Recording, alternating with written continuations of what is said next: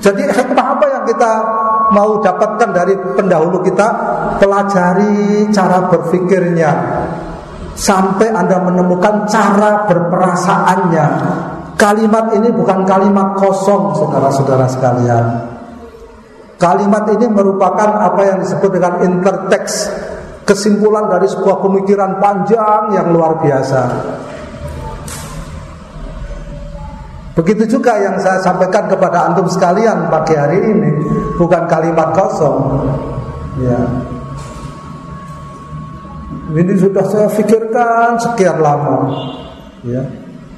Ketika panitia memberitahu kita akan membahas ini, oh, hebat sekali panitia berani.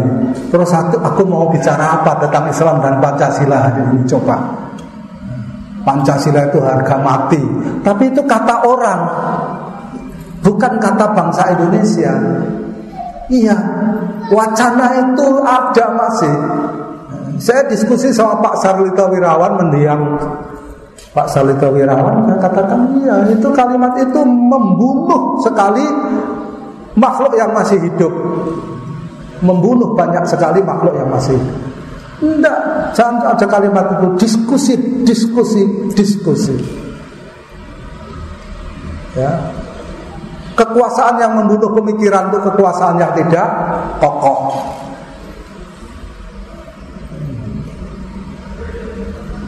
Iya, kekuasaan yang membunuh pemikiran itu kekuasaan yang tidak kokoh. Sudah dua kali saya ulangi. Kekuasaan yang membunuh pemikiran itu kekuasaan yang tidak kokoh. Sudah tiga kali.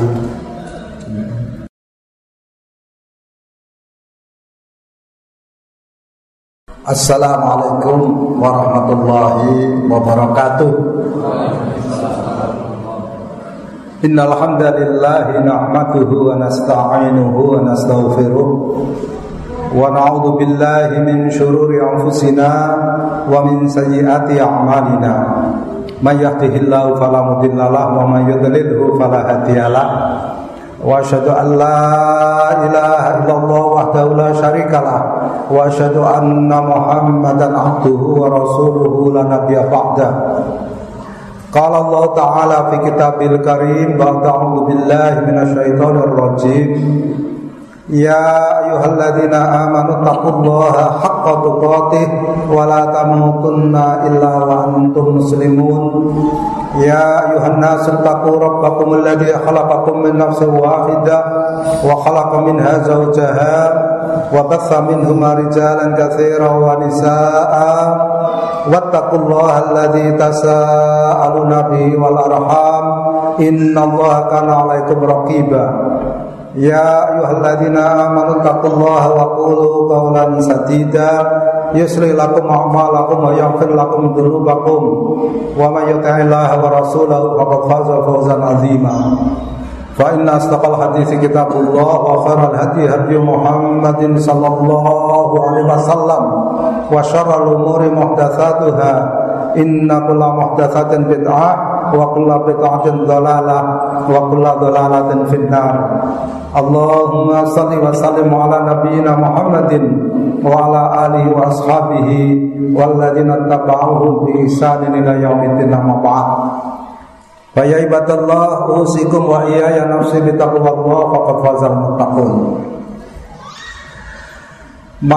muslimin, para ibu, bapak dan saudara-saudara sekalian yang dirahmati Allah Subhanahu wa taala. Kita bersyukur kehadirat Allah Subhanahu wa taala dengan syukur yang banyak. Pagi hari ini Allah Subhanahu wa taala mencurahkan banyak sekali rahmat, nikmat dan karunia-Nya kepada kita sekalian. Kita diberi kesehatan jasmani, kesadaran rohani dan diberi kesempatan untuk hadir pada majelis pada pagi hari ini. Majelis ilmu, majelis zikir pada salah satu di antara rumah-rumah Allah yang mulia. Ma'asyiral muslimin, ibu bapak dan saudara-saudara sekalian yang dirahmati Allah Subhanahu wa taala. Seorang muslim ketika berbicara tentang sejarah perjuangannya Baik dalam sekup lokal, nasional, regional maupun global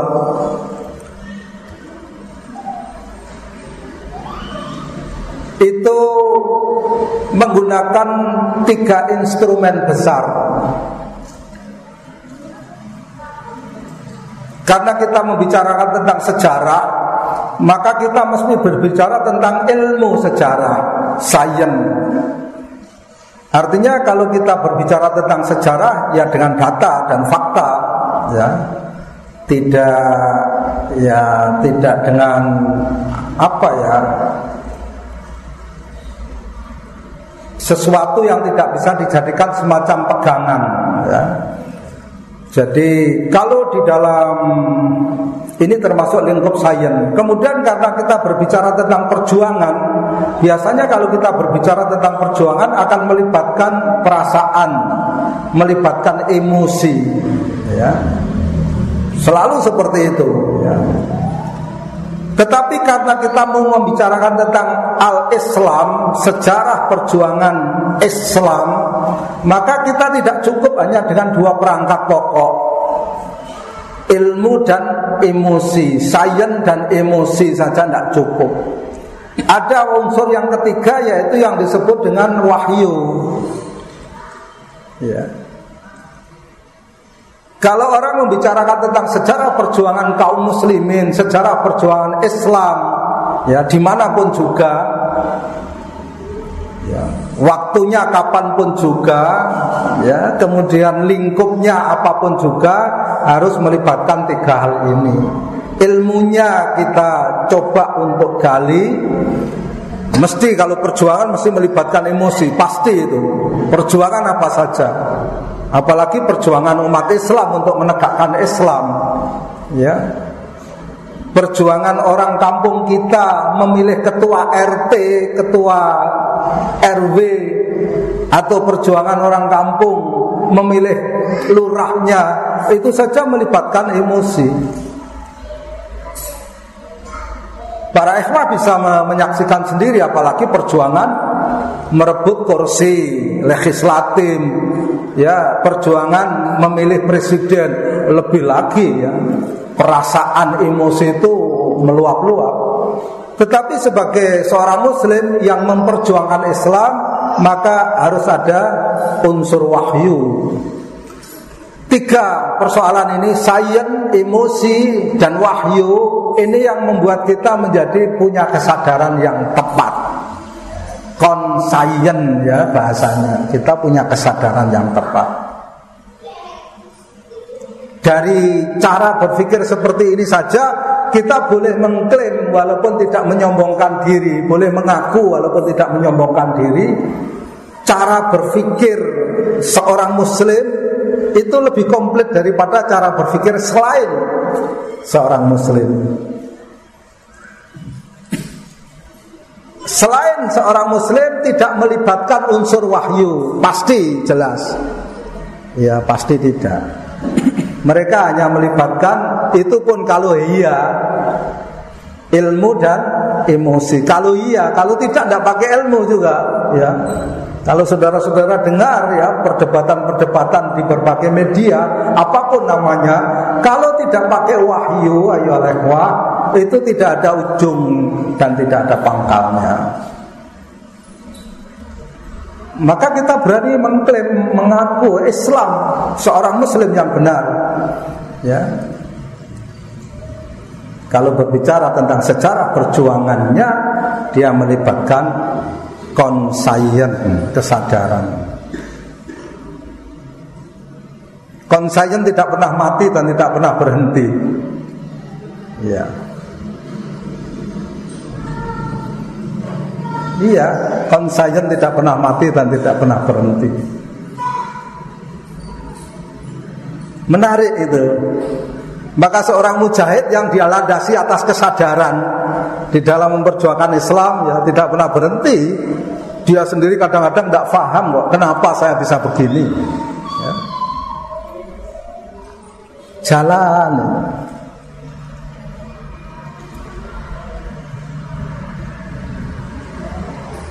Belum lama ini dalam bulan ini belum satu bulan saya kedatangan tamu seorang peneliti dari London School of Economic. Dia orang Jerman tapi bekerja di Inggris di London. Dia datang meneliti, meneliti. Saya tanya Anda mau meneliti apa lagi? Sudah agak sering. Dulu dia meneliti tentang perjuangan Ibnu Taimiyah rahimahullah. Kemudian hari ini dia bertanya bagaimana mengenai perkembangan kaum jihadis di Indonesia saya katakan bahwa Anda tidak akan pernah memahami kaum jihadis sampai Anda jadi jihadis. Ya. Anda tidak akan pernah memahami apa itu Islam sampai Anda menjadi muslim. La ya'rifuha illa man Orang tidak mengerti tentang Islam, tidak mengerti tentang din, tidak mengerti tentang perjuangan umat Islam sampai dia dia menjadi muslim. Ya kan? Maka semakin intensif kita berpihak kepada Islam totalitas diri kita, kita akan semakin memahami apa itu perjuangan Islam. Kalau hanya menggunakan kapasitas akal budi kita yang terbatas ilmu ya banyak sekali misalnya apanya referensinya itu juga hambar. Apalagi pakai emosi ya harus pakai tiga-tiganya ilmu emosi dan wahyu. Ini yang membuat kesadaran menjadi utuh. Ayo alehwa kita langsung ke materi ya ada hal yang menarik. Tadi sudah disinggung oleh saudara pengarah acara. Jadi kita kalau belajar sejarah sekali lagi Itu tadi Kita harus belajar datanya ini. Tentunya dengan menyadari tentang kondisi peristiwa politik pada waktu itu, realitas politik pada saat itu. Jadi kalau saya melihat paling tidak kesimpulan saya secara pribadi setelah saya baca bahwa para pemimpin Islam yang duduk di konstituante atau sebagian para pemimpin Islam itu lebih jujur Sebab sekali lagi pada waktu itu dan sampai hari ini dan wallahu alam sampai kapan para pemimpin Islam ini ada di berbagai bidang kehidupan manusia. Dan mereka semua mempunyai ekor, mempunyai pengikut ya. Yang berjuang benar-benar di parlemen konstituante itu sebagian kecil ada yang berjuang di dunia dakwah dan pendidikan dan tidak mau ikut politik. Itu bisa lebih besar lagi. Pada waktu itu sebagaimana saudara-saudara sekalian ketahui tahun 49 sampai 62 ada sekelompok pemimpin Islam yang mempunyai beberapa pengikut mereka berjuang dengan melalui al-jihadu fisabilillah ya Semuanya punya keinginan pada waktu itu. Allah alam sekarang nanti bisa bisa kita lihat sendiri. Semuanya berkeinginan pada waktu itu bagaimana Islam menjadi dasar hidup bagi umat Islam bangsa Indonesia. Apakah yang berjuang melalui parlemen, buktinya nanti bisa kita lihat, atau yang berjuang melalui dakwah dan pendidikan, atau yang berjuang melalui penggunaan kekuatan bersenjata ya dari tahun 49 sampai 62 semuanya berkeinginan untuk bagaimana litakuna kalimatullah ya ya agar kalimat Allah itu menjadi sesuatu yang paling tinggi di dalam kehidupan umat Islam bangsa Indonesia. Ini menarik sekali. Dan itu fakta sejarah. Ya, itu fakta sejarah. Saya katakan hanya orang-orang yang keras kepala yang tidak mau mengakui itu, itu fakta sejarah. Itu realitas politik pada waktu itu.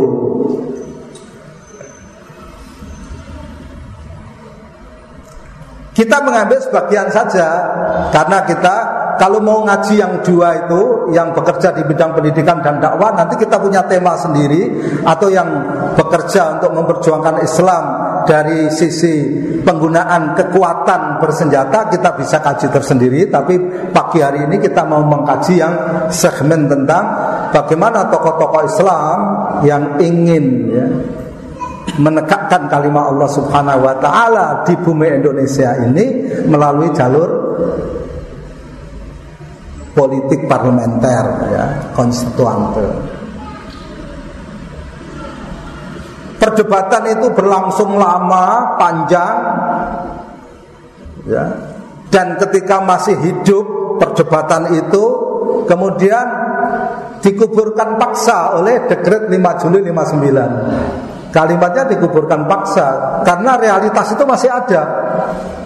Kemudian dekret 5 Juli 59 itu mengubur paksa wacana-wacana, pikiran-pikiran, ide-ide yang masih diperdebatkan itu. Maka pertanyaannya kan begini, apakah penguburan paksa itu berhasil membunuh pikiran-pikiran itu? Saudara bisa menyaksikan sendiri hari ini, resistensi itu masih ada. Ya. Sebab sekali lagi ide tidak bisa dibunuh oleh apa pun. Selama rujukan ide itu masih hidup. Kalau ide itu adalah ide Islam Ya dia tidak akan bisa dibunuh sampai hari kiamat. Karena rujukan Islam itu dijamin oleh Allah subhanahu wa ta'ala tetap hidup Sampai Hatta yaktiya amrullah Ya kan? Sampai datang urusan Allah dan para pejuang ide Islam itu tidak akan pernah mati. La tazalu ta'ifatum min ummati dhahirina 'alal haq hatta ya'tiya amrullah sampai Allah mengendaki urusannya. Jadi kalau idenya tidak pernah mati, sumber idenya tidak pernah mati, pemilik ide tidak pernah mati, ya kita bisa bayangkan dia akan selalu hidup. Tapi nanti coba kita simpulkan sendiri perjalanan itu. Ya.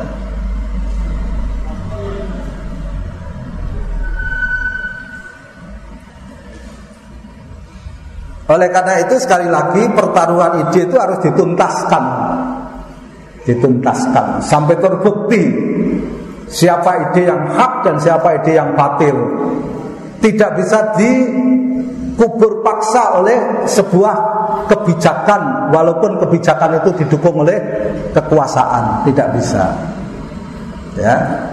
Menarik sekali saudara-saudara sekalian bisa nanti bisa melihat membaca lebih jauh lagi. Saya akan memulai dari Urean Profesor Dr. Hamka rahimahullah pada waktu itu tentunya masih hidup ya kan. Menarik sekali urean beliau. Saya mulai dari situ, walaupun di buku ini bukan yang pertama kali. Ya. Profesor Dr. Hamka rahimahullah dalam pidato di konstituante dengan judul Islam sebagai dasar negara ya, yang mempunyai buku pada halaman 97. Kalau yang tidak punya buku ya nanti fotokopi saja dari panitia. Bukunya ini langka. Padahal ini dicetak tahun 99 setelah reformasi saudara-saudara.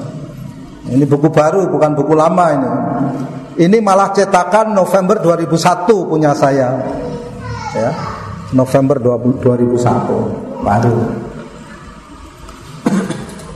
Ini juga menjadi bukti bahwa ide yang dikubur dengan dekret 5 Juli 59 itu tidak mati sampai 2001. Ya kan? Bukti. Ini sudah disinyalir oleh Profesor Dr. Hamka rahimahullah ya. Sampai begini kalimat yang beliau katakan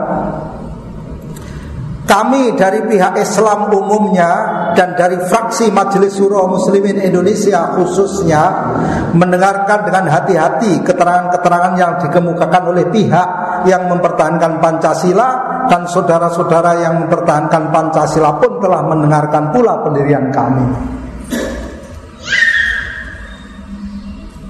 Ini realitas sejarah pada waktu itu ya. Kita kan perlu tahu supaya kita tidak kehilangan tempat berpijak, tidak tertipu oleh para penipu, ya kan? Kita tahu. Mungkin di dalam mencari, menyaring dan memperjuangkan pendapat Ada yang kadang-kadang terdorong oleh emosi Sehingga tersinggung tepi pagar Bahasa beliau Namun hal itu sudah lumrah Payung panji demokrasi Memberikan perlindungan kepada jalan musyawarah kita Sebut apa yang terasa Katakan apa yang teringat Saya perlu ingatkan Sejak zaman Pak Cokro Aminoto Tahun ya 1920-an ada dua kosakata yang kemudian diterjemahkan secara sendiri oleh para tokoh-tokoh pejuang Islam yaitu satu masalah demokrasi, dua masalah nasionalisme.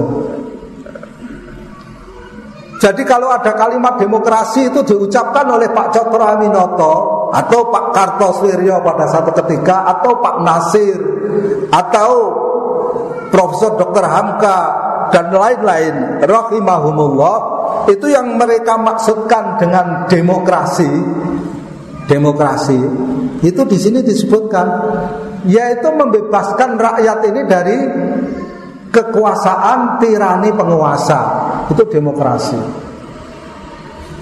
Sebab hari ini pengertian demokrasi kan beda. Hari ini pengertian demokrasi kan itu usultati tasri al ulya li ghairillah. Memberikan kekuasaan hak, kekuasaan tertinggi membuat undang-undang kepada selain Allah. Ini mereka tolak oleh Pak Cokro Aminoto ditolak, oleh Pak Harto ditolak, oleh Pak Nasir ditolak hak membuat ya hak kekuasaan atau kekuasaan tertinggi membuat undang-undang itu tetap di tangan Allah. Tetapi demokrasi pengertiannya adalah bagaimana membebaskan bangsa Indonesia pada waktu itu dari kekuasaan sewenang-wenang penguasa, siapa pun penguasanya. Ini yang harus dicatat. Pengertiannya sekarang bergeser Ya, atau sejak dulu sebenarnya seperti yang kedua pengertiannya, tetapi istilah itu tidak bisa dihindari kemudian dimanfaatkan oleh para tokoh pejuang Islam. Kemudian yang kedua istilah nasionalisme. Nasionalisme itu diterjemahkan sebagai membebaskan negeri ini dari penjajahan. Itu nasionalisme. Pada waktu itu, ya. Maka sekali ber Pak Kartosuwiryo sendiri yang memimpin perjuangan bersenjata mengatakan bahwa revolusi kita ada dua tahap revolusi nasional dan revolusi sosial. Sampai seperti itu. Saudara baca nanti fakta dan fakta pemikiran proklamator NII Kartosuwiryo ada bukunya. Nanti bisa kita bahas tersendiri sekali lagi kita orang Islam kalau membicarakan sesuatu pasti harus menggunakan ilmu, fakta dan data, menggunakan perasaan atau emosi dan menggunakan wahyu. Ya. Tidak boleh satu-satunya dipecah-pecah. Nah. Ini sudah disinyalir bahwa nanti akan ada semacam palu kekuasaan yang memutus diskusi tentang masalah ini. Maka beliau mengatakan pada alinea berikutnya Jangan sampai sebagai pepatah Menarik ini pepatahnya Beliau sastrawan ya Api padam puntung berasap Rumah sudah jadi Pahat berbunyi Kan menarik ini. Apakah hal ini terjadi? Menurut saya terjadi.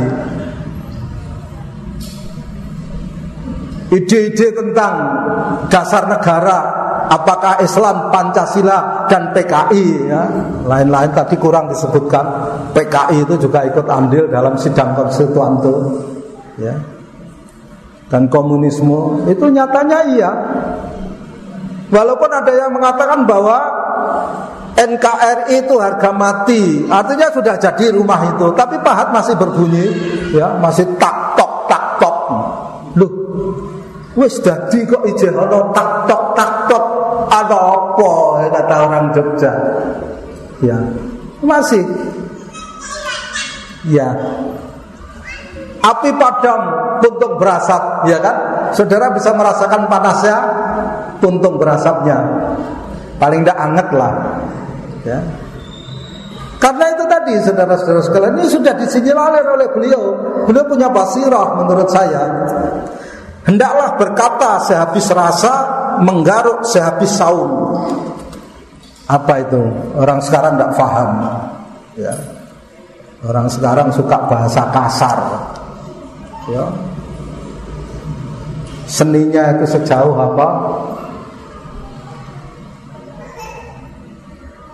kutunggu jandamu sejauh itu sastranya. Tidak punya sastra yang lain. Ya kan? Pulang malu nggak pulang rindu. Lah itu sejak sebatas itu sastra anak muda sekarang. Tidak bisa seperti ini lembutnya ya kan? Hendaklah berkata sehabis rasa menggaruk sehabis saung Gayung disambut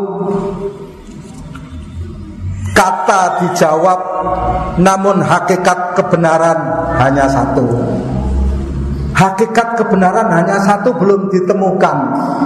Kata itu tidak berjawab Gayung itu tidak bersambut Tapi palu kekuasaan menguburkan pikiran-pikiran itu.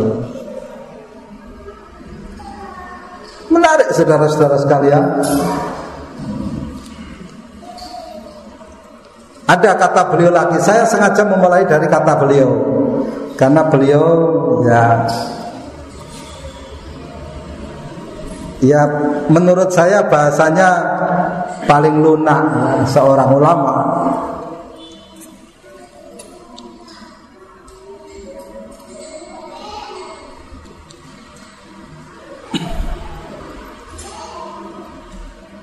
Kalau saudara-saudara sekalian hari ini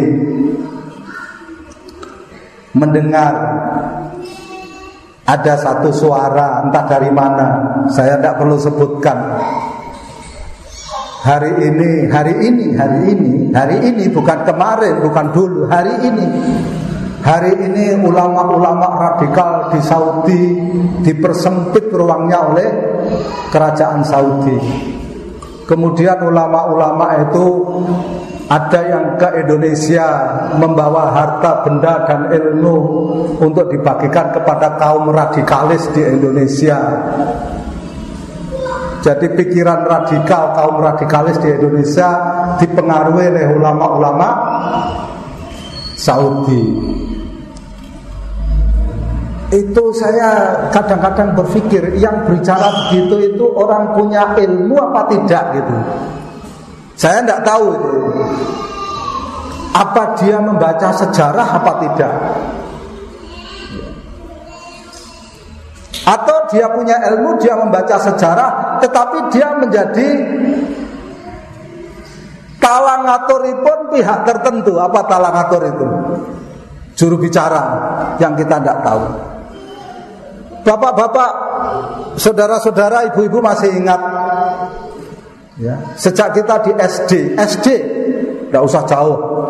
Tidak usah pakai apa, visipol Belajar sejarah SD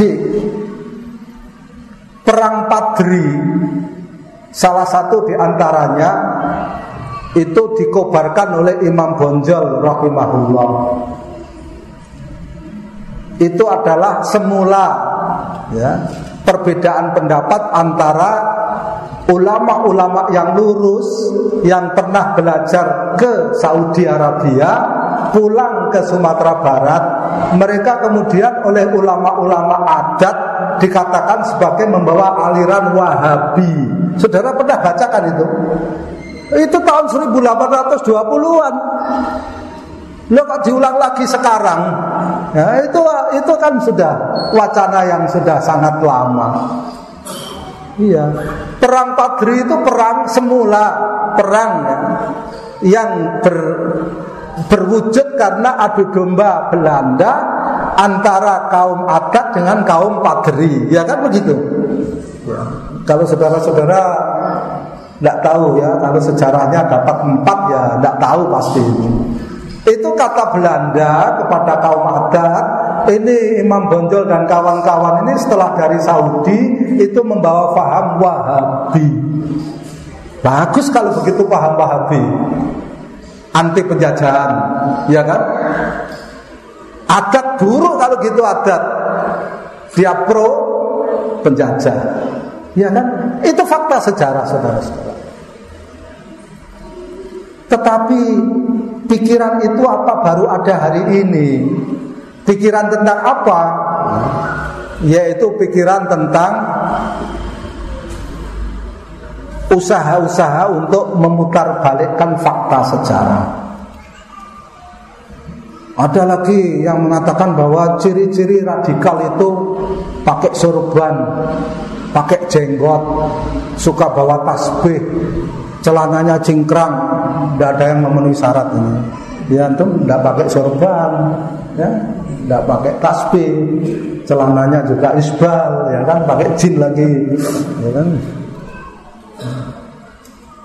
Itu ternyata saudara-saudara sekalian sudah disinyalir oleh Profesor Dr. Hamka dalam sidang konstituante. Beliau mengatakan, kami kadang-kadang tersenyum saudara Bagaimana usaha hendak menyelimuti kebenaran dengan mendustai sejarah yang kadang-kadang sangat mencolok mata.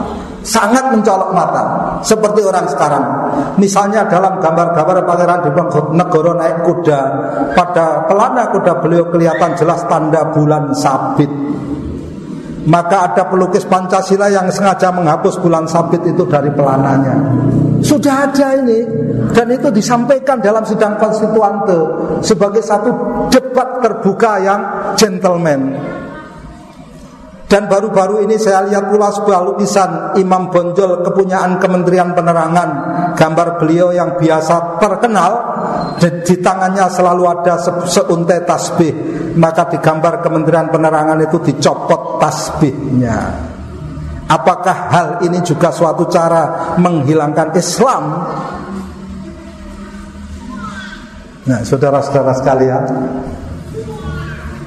jadi satu cara menghilangkan Islam yaitu dengan mengatakan bahwa orang-orang Islam yang sungguh-sungguh hari ini di Indonesia itu dibiayai oleh ulama-ulama Saudi yang terjepit di Saudi. Itu bahasa bahasa yang paling mudah itu bukan baru sekarang ya. Bukan baru sekarang. Tidakkah mereka mengetahui apa rahasia bulan sabit yang ada di pelana kuda sang pangeran Amirul Mukminin Abdul Hamid di Ponegoro? Itulah lambang dari keyakinan bahwa usaha Belanda hendak merebut iman bangsa Jawa sia-sia belaka walaupun mereka menang dalam persenjataan. Menarik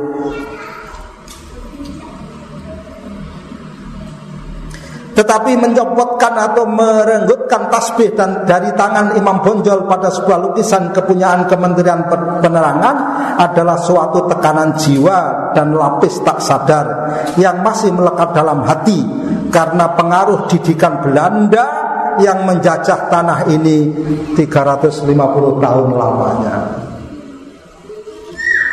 Saudara-saudara renungkan sendiri ya, menarik. Sayang waktunya saya dibatasi sekali.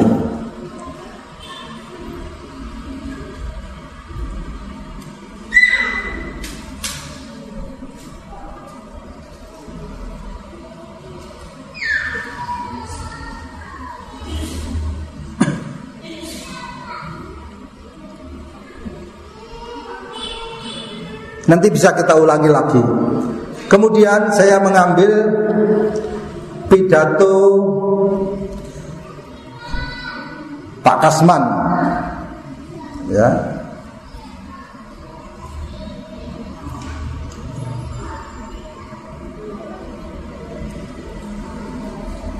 Pak Kasman menarik ini.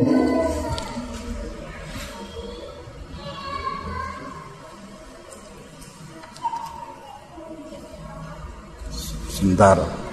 Saya ambilkan dari awal biar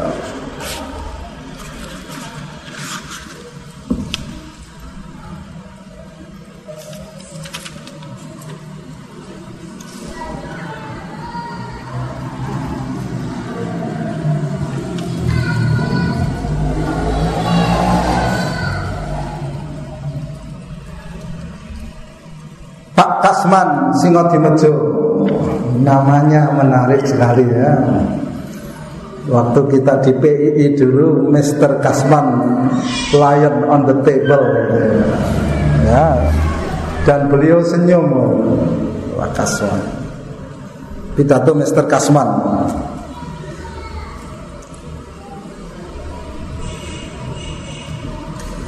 Di dalam pleno konstituante sekarang ini insya Allah kita akan mendengar dengan seksama dasar komunis dari kawan-kawan Partai Komunis Indonesia. Saudara renungkan. Orang komunis pun, PKI pun mengakui ketuhanan yang maha esa. PKI. Ya. Saudara renungkan. Cara yang paling aman bersembunyi orang-orang PKI itu di dalam Pancasila, saudara. Tidak mungkin mereka bersembunyi di balik Islam. Saudara renungkan. Dengan tekun kita akan mendengar pula pembahasan dari dasar Pancasila yang kita harapkan akan diuraikan oleh ahli-ahlinya. Kami pun akan menerangkan dasar Islam bagi negara kita secara jujur dan baik-baik.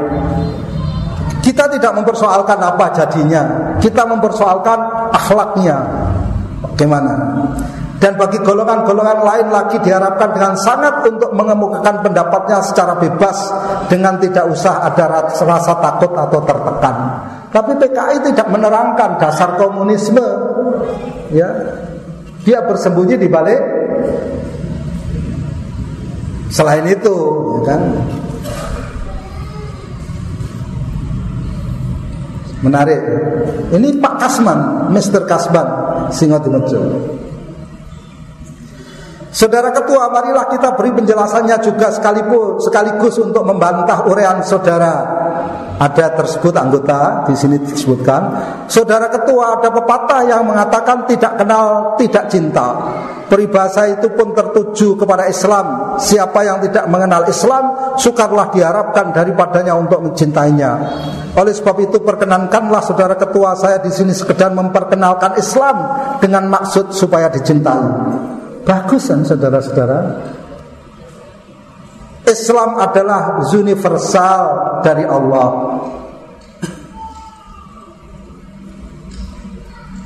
Sudah cukup gitu.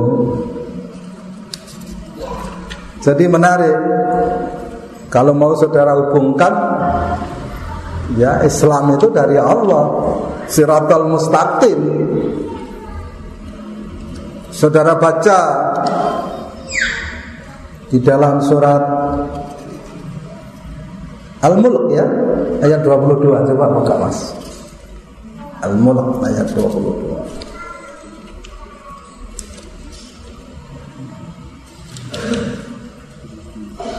22 apa baca?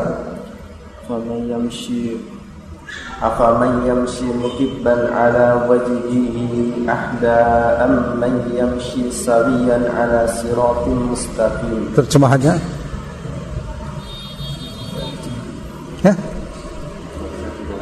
hmm. terjemahannya afaman yamshi mukibban ala wajhihi ahda amma yamsi sawiyan ala siratim mustaqim Apakah orang yang merangkak dengan wajah tertelungkup lebih mendapat petunjuk daripada orang yang berjalan tegap di atas siratul mustaqim? Saudara bayangkan sendiri.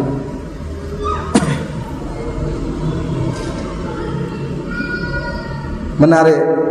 Saya bacakan lagi di halaman 307 beliau Mr. Kasman Singodimejo mengatakan kepada ketua, saudara ketua, kini Partai Komunis Indonesia membonceng kepada Pancasila. Persoalannya ialah tidakkah goncengan itu hanya satu siasat belaka? Sama-sama toh kita mengetahui bahwa golongan da, soko guru Pancasila adalah ketuhanan yang maha esa dan sama-sama mengetahui bahwa Tuhan yang Maha Esa itu justru telah mempunyai peraturan-peraturan yang tertentu-tentu bagi umat eh, bagi umat manusia lazimnya dinamakan agama. Saudara renungkan sendiri. Saya tidak lanjutkan. Nanti silakan dibaca. Tadi ada yang bertanya sebelum majelis. Ya. Tapi kan sila-sila dari Pancasila itu sesuai dengan Islam, Pak. Ya, ini sudah dijawab sama Pak Kasman pada sidang konstituante. Tidak usah saya jawab. Jadi apa yang saudara perdebatkan hari ini menurut saya sudah dijawab oleh semua tokoh-tokoh ini. Apa tadi soal itu tadi Wahabi ya? Soal ekspor oleh para ulama radikal di Saudi, ekspor radikalisme di Indonesia sudah ada sekarang saya bacakan.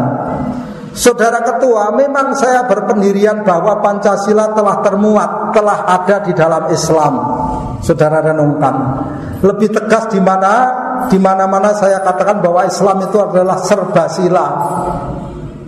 Termasuk dus Pancasila. Tidak tahu apa kalimat dus ini, ada dus betul. DUS, dus Pancasila. Dan apabila saya harus mempergunakan orasi dari saudara Nyoto, saudara Nyoto, tahu Nyoto ya, tokoh PKI pada waktu itu, Pak masih ingat Pak Nyoto Pak? Nyoto bukan Nyoto Pak, Nyoto. Waktu itu ada Aidit Nyoto ya Pak ya. Kalau yang 48 ada Muso Semaun ya.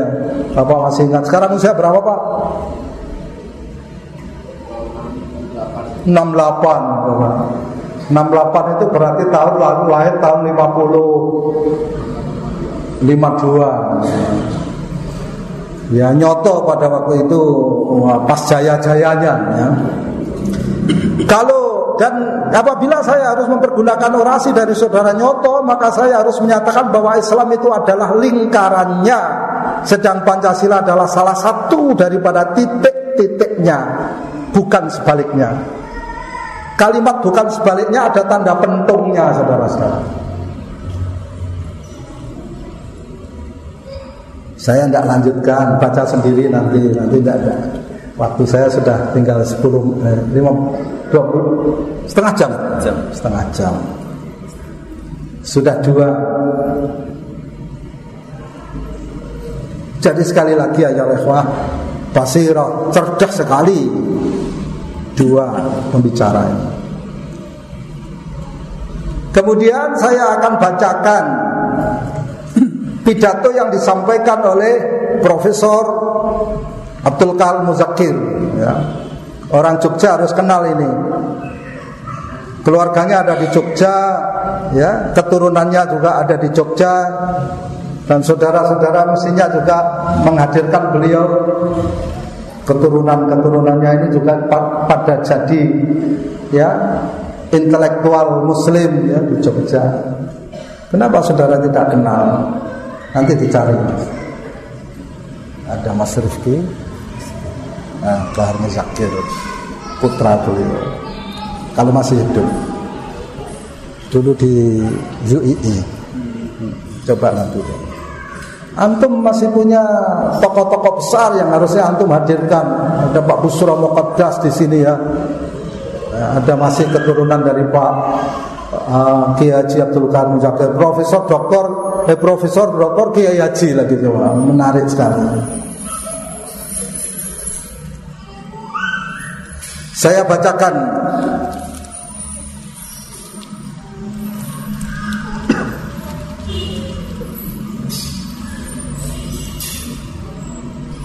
Ya. Pidato Profesor Haji Abdul Kahar Muzakir. Sebagaimana para ibu bapak dan saudara-saudara sekalian ketahui, beliau salah satu di antara anggota panitia sembilan.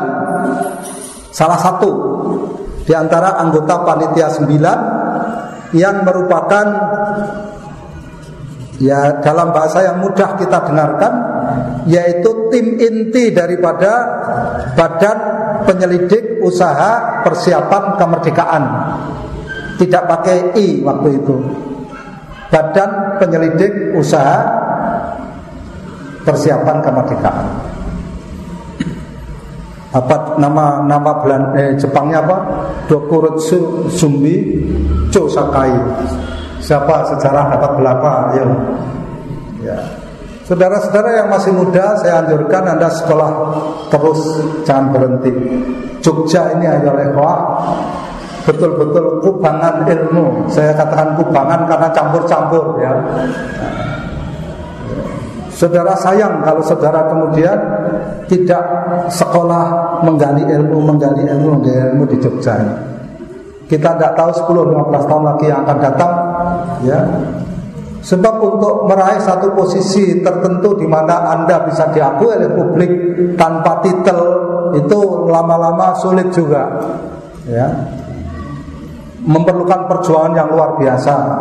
Satu itu yang kedua, bukan kita mau cari titel, bukan mau cari ilmunya, tetapi penyebaran pemikiran.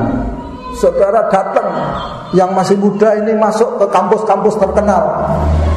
Bukan sekedar mau cari titel atau cari ilmunya Tetapi menyebarkan pemikiran Islam. Penting. Catat ini ya. Dan penyebaran pemikiran Islam itu kewajiban. Tidak ada satu hukum manusia pun yang melarang Ya kan Apalagi di Indonesia Di Amerika hatta Anda menyebarkan pemikiran Islam tidak dilarang. Di Inggris ya. Wali kota London Muslim ya. Kata Trump musibah politik. Ya. Tapi itu tadi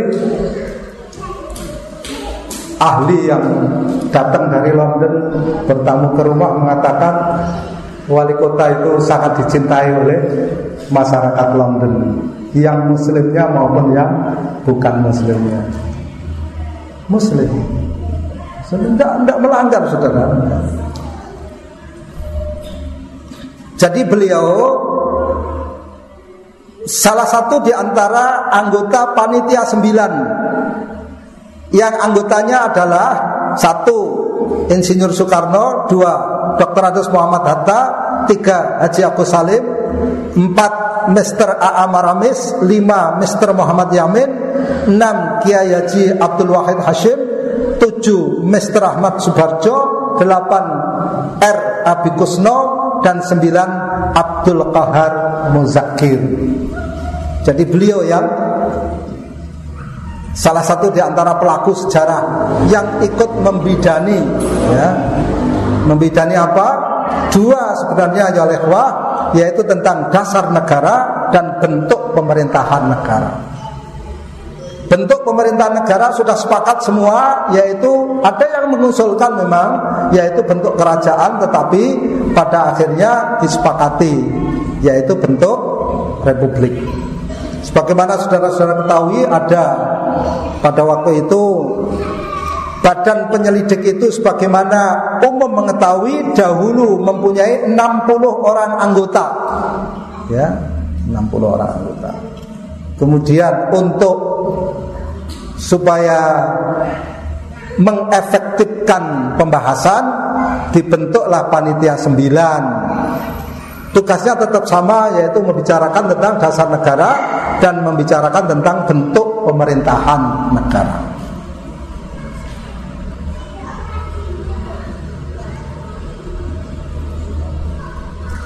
saya bacakan kesimpulan beliau ya jadi yang disepakati yaitu pada waktu itu Badan penyelidik sesud, eh, badan penyelidik maksudnya BPUPK. Kalau mau pakai I yang kita kenal pakai I.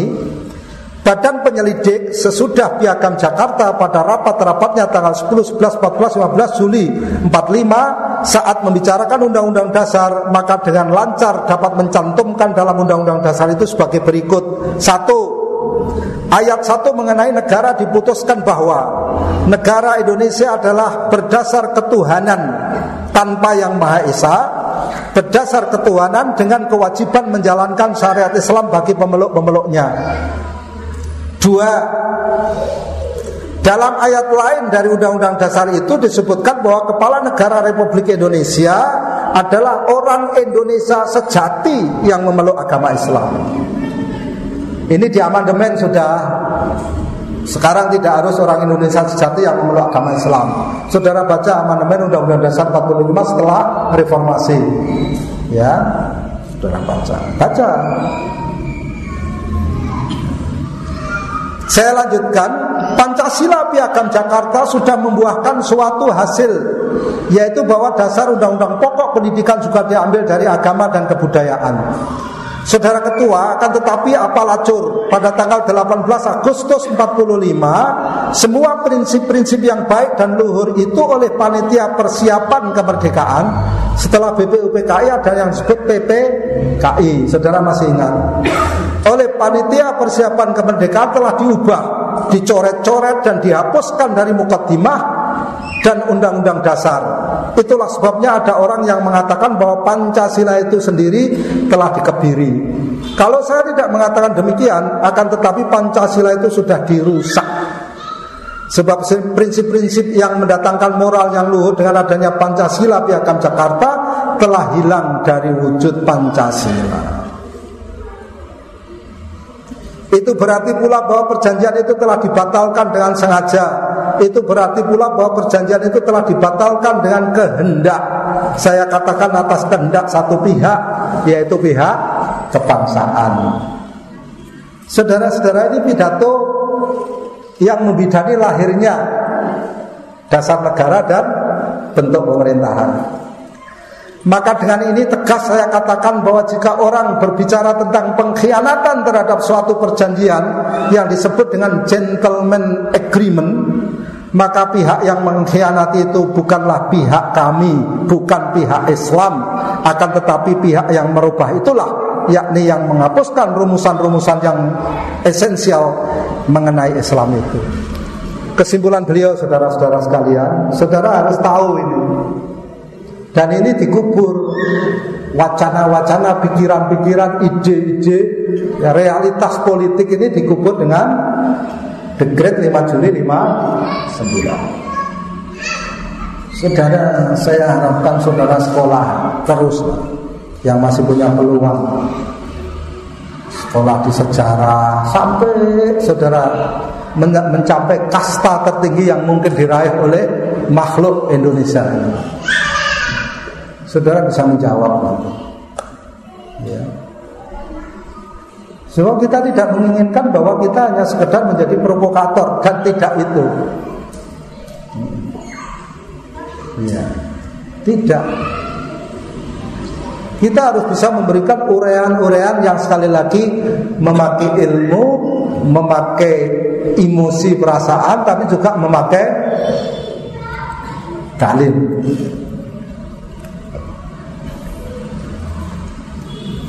Sekarang saudara-saudara sudah tahu siapa kalau begitu yang mengkhianati Pancasila. Saudara sudah tahu. Jangan ragu-ragu. Hak saudara harus saudara bela. Sekali lagi pembelaan dengan apa? Dengan ilmu, dengan emosi, dengan dalil.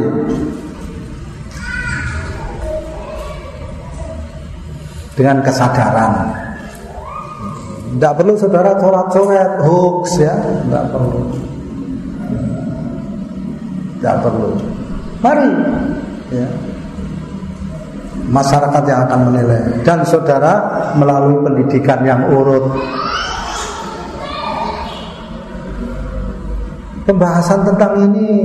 Ini sudah umur 68 tahun, ada yang sudah umur 30 tahun. Dan saudara belum pernah membahas masalah ini dengan intensif.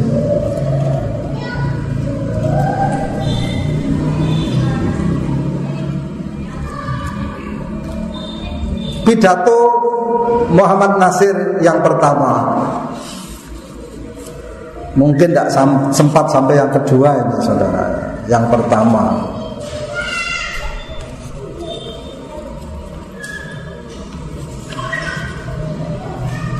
menarik. Menurut saya bagian yang paling menarik adalah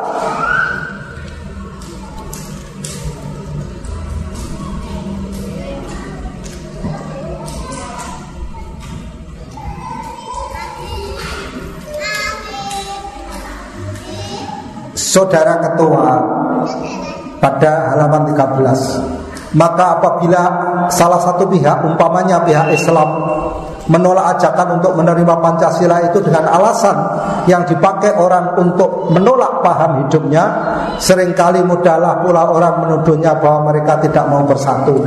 Sudah lama ini saudara-saudara sekalian isu itu. Yang tidak mau bersatu itu siapa?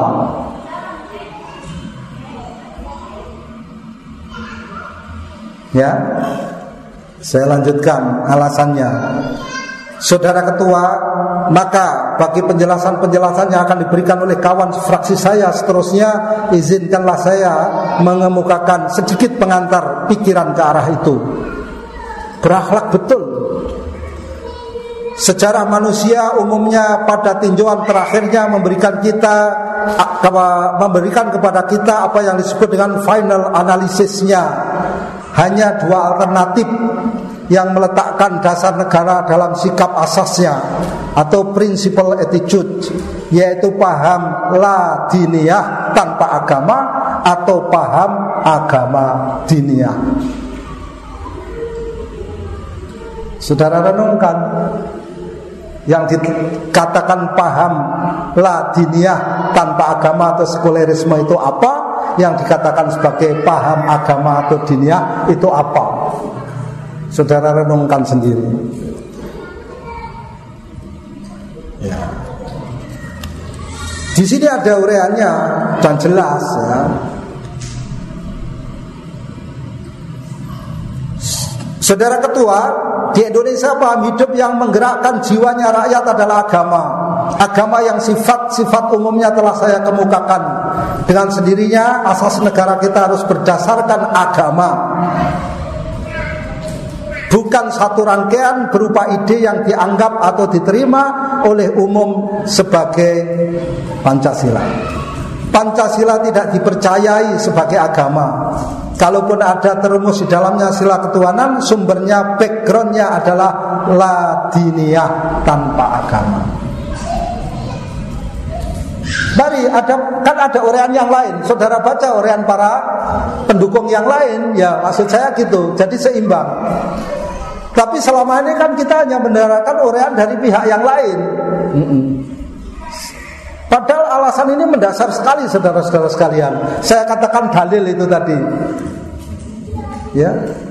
Dalam satu kitab yang bagus tulisan Syekh Safar Hawali, ya moga-moga Allah menguatkannya, yaitu Al Muslimuna wal Hadrah Al Gharbiyah, tulisan terbaru sebelum beliau akhirnya ditangkap oleh pemerintah Saudi ya beliau menulis sebenarnya konflik perbedaan pendapat sampai kepada peperangan yang terjadi di antara manusia itu intinya hanya ada satu saudara-saudara yaitu al-fikru ad-dini pemikiran tentang jalan hidup. Yang satu itu berpikir bahwa jalan hidup itu bisa diatur sendiri disebut dengan ad-din al-insani din al-insani. Yang kedua adalah ad-din al-ilahi. Jalan hidup yang sumbernya dari Allah Subhanahu wa taala. Saudara-saudara renungkan. Dan beliau menulis di dalam kitabnya itu saudara bisa baca. Saya punya PDF-nya, nanti saudara bisa ambil juga. Jadi PBB itu adalah kekhalifahan ad-din al-insani. Oh, menarik ya. PBB itu kekhalifahan saudara-saudara sekalian. Ad-din al-insani. Tatanan hidup bikinan manusia Pikiran manusia itu mesti dua. Itu tadi hawa nafsu dan akal, tidak pakai wahyu. Kalau kaum muslimin tidak harus pakai tiga-tiganya dan itu yang disebut konsayen kesadaran. Ya. Ini menarik sekali. Kita tidak akan menggugat apa pun dan siapa pun dalam urusan apa pun. Catat. Ya. Kita tidak akan menggugat apa pun dan siapa pun dalam urusan apa pun, saudara catat. Enggak. Tetapi kita ingin mengetahui dan ingin memberikan pengetahuan itu kepada generasi muda Islam. Anda itu di sini. Dan Anda yang sekian ini ada berapa katakan 50, tapi Anda agen. Anda bukan konsumen retail. Anda agen. Anda akan menyebarkan pikiran ini ke banyak pihak, ya. Saya tadi katakan kepada panitia, kalau di Jogja ada 10 orang saja yang mau mendengarkan urian saya ini, saya akan datang ke Jogja. 10 orang saja. Apalagi ini 50 orang. Sebab masalah ini sangat penting. Salah satu di antara wujud iltizam kita kepada din yaitu mewariskan nilai-nilai din itu kepada generasi kita dan generasi pelanjut kita. Jadi tidak ada masalah. Satu orang saja cukup. Kalau satu orang ya, kalau satu mobil saya katakan datang saja ke rumah saya bilang gitu. Tapi kalau ada sepuluh orang saya datang. Masih banyak ini Pak Nasir sampai pidato yang kedua. Lantaran itu saudara-saudara sekalian, ya menarik ini.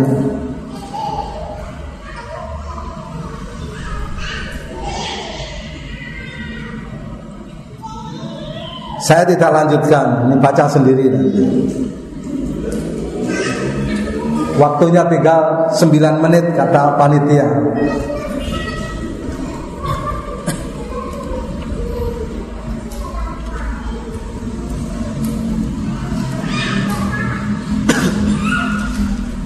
Saudara-saudara sekalian, saya akan bacakan sebagian pidato Kiai Haji M. Isa Ansori di dalam sidang konstituante kami menuju Republik Indonesia berdasarkan Islam. Judulnya menarik. Ayat yang dibaca 1 2 3 4 5 6 7 8 9 ayat. Dan dimulai dari Surat At-Taubah ayat berapa? 109. Coba. Iya, 109. Coba.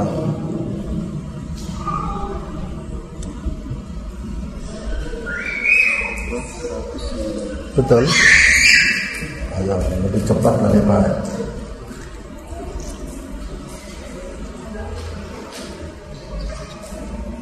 Coba. Betul, betul. Afaman? Betul? Betul. Pada a'udzu billahi minasyaitonir rajim. Afaman assasa bunyanahu ala taqwa minallahi wa ridwanin khairun amman assasa bunyanahu ala ala safa jurufin harin fa anhara bi fi nari jahannam wallahu la yatil qaumadh. Apa? Terjemahannya, terjemahannya.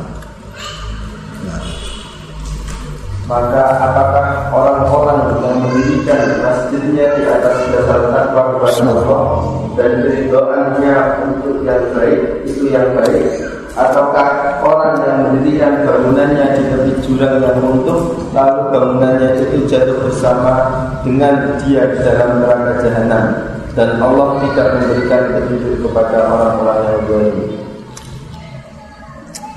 Brilian menurut saya. Ini di sidang konstituante ayat yang dibacakan itu membicarakan tentang bangunan, bangunan masjid, bangunan negara. Ya. Bangunan yang kokoh yang akan menyelamatkan itu bangunan yang dibangun di atas dasar takwa dari kepada Allah dan keridhaan. Ya. Pertanyaannya, Kemudian yang kedua surat Al-Maidah ayat 50 sudah terkenal ini. Ya, Al-Maidah ayat 50. Saya sengaja tidak menerjemahkan sendiri ya supaya ada jaminan silakan Apakah hukum jahiliyah yang mereka kehendaki dan hukum siapakah yang lebih baik daripada hukum Allah bagi orang-orang yang yakin? Ya. Beliau yang membaca, membaca dari media sosial, media sosialnya resmi diizinkan oleh Kementerian Kominfo. Ya, kalau dianggap sebagai ujaran kebencian, silahkan dituntut media sosialnya. Ya, saya tidak menerjemahkan.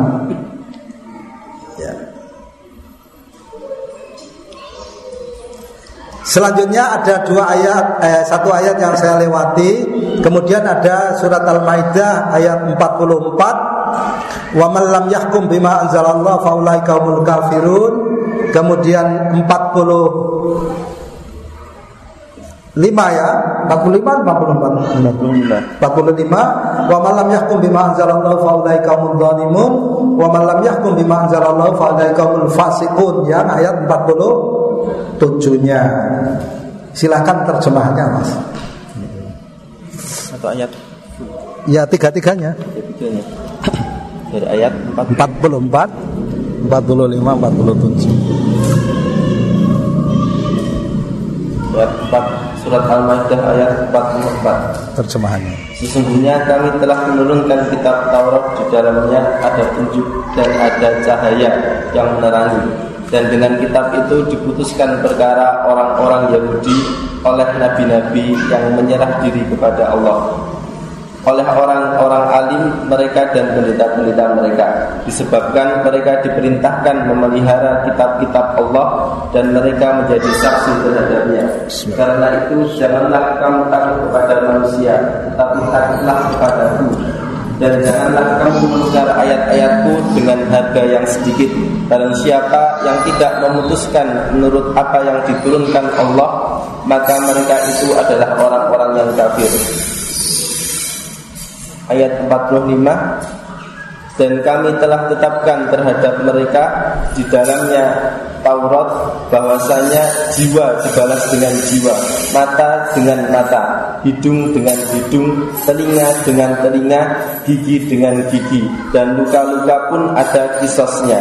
Barang siapa yang melepaskan hak kisosnya Maka melepaskan hak itu menjadi penebus dosa baginya Barang siapa tidak memutuskan perkara menurut apa yang diturunkan Allah Maka mereka itu adalah orang-orang yang zalim. Kemudian ayat 47 dan hendaklah orang-orang pengikut Injil memutuskan perkara menurut apa yang diturunkan Allah dalamnya. Barang siapa tidak memutuskan perkara menurut apa yang diturunkan Allah, maka mereka itu adalah orang-orang yang fasik. Ada tiga.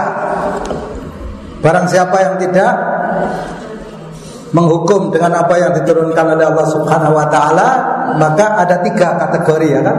Kafir, zalim, fasik. Di dalam fatwanya Syekh bin Bas rahimahullah yang menyebutkan kafir itu yaitu apabila yang me, me, yang bisa menghukum itu siapa atau saudara-saudara? Kan penguasa, hakim, penguasa. Saudara-saudara kan tidak punya hak menghukum kecuali menghukum anak saudara sendiri dan itu bisa kena pasal KPAI, ya kan? Jadi yang bisa menghukum kan penguasa, pemerintah, ya, hukumah. Siapa yang tidak menghukum dengan apa yang diturunkan oleh Allah Subhanahu wa taala dia kafir. Untuk kategori kafir itu apabila ya apabila menurut Syekh bin Bas apabila ia tidak menghukum dengan hukum Allah katakanlah yang paling mudah begitu itu karena dia menolak hukum Allah Subhanahu wa taala ya. Ingkar. Ya. Atau juhud. Itu kufurnya kufur juhud atau ingkar menolak. Dia mengatakan hukum Allah itu tidak bagus. Yang bagus itu hukum warisan penjajah. Nah gitu misalnya. Hukum warisan itu kufur kafir keluar dari Islam karena dia mengingkari hukum Allah Subhanahu wa taala dia juhud menentang hukum Allah Subhanahu wa taala Itu fatwa saya bin Bas. Saya pernah diskusikan ini dengan BNPT pusat saudara-saudara sekalian. Dan saya tunjukkan, saya masih punya slide juga. Atau yang kedua, dia meyakini bahwa hukum Allah itu benar dan hukum Allah itu lebih baik. Tetapi dia menerapkan hukum selain hukum Allah dengan mengatakan dan meyakini bahwa boleh menerapkan hukum selain hukum Allah Subhanahu wa taala. Boleh. Itu kafir istihlal. Menghalalkan apa yang diharamkan oleh Allah Subhanahu wa taala. Kaidah ulama barang siapa yang mengharamkan roti tanpa sebab dia kafir. Man harramal khubza faqad kafara. Barang siapa yang menghalalkan apa yang diharamkan oleh Allah Subhanahu wa taala dia kafir. Man ahallan nadrah faqad kafara. Siapa yang menghalal, menghalalkan laki-laki atau wanita melihat lawan jenisnya yang tidak mahram itu boleh mengatakan begitu halal dia kafir walaupun dia tidak melakukan itu namanya kafir istihlal Ya. Saya sudah sampaikan ilmunya, sejarahnya, dan ini dalilnya. Subhanallah. Kita keluar dari majelis ini dengan penuh kesadaran siapa diri kita. Walaupun semua orang di sekitar kita marah dan tidak sadar. Ya kan? Saya mengharapkan saudara-saudara sekalian terutama yang masih muda-muda ini teruslah belajar menggali menggali sejarah. Kemudian akhirnya sampai kepada satu kesimpulan hari ini, hari ini bagaimana kita itu kan penting. Walaupun tadi disebutkan oleh Profesor Dr. Hamka rahimahullah bahwa api padam puntung berasap, rumah sudah jadi, pahat berbunyi. Tok-toknya itu pasti terdengar kan saudara-saudara? Ya kan? 212 apalagi? Masih terdengar. 551 saudara ikut ya 551 saya tidak ikut tidak ikut-ikutan Jangan, saya mengharapkan saudara-saudara sekalian tidak ada yang ikut-ikutan. Kalau saudara harus ikut, saudara jadi pelopor. Jangan ikut-ikutan.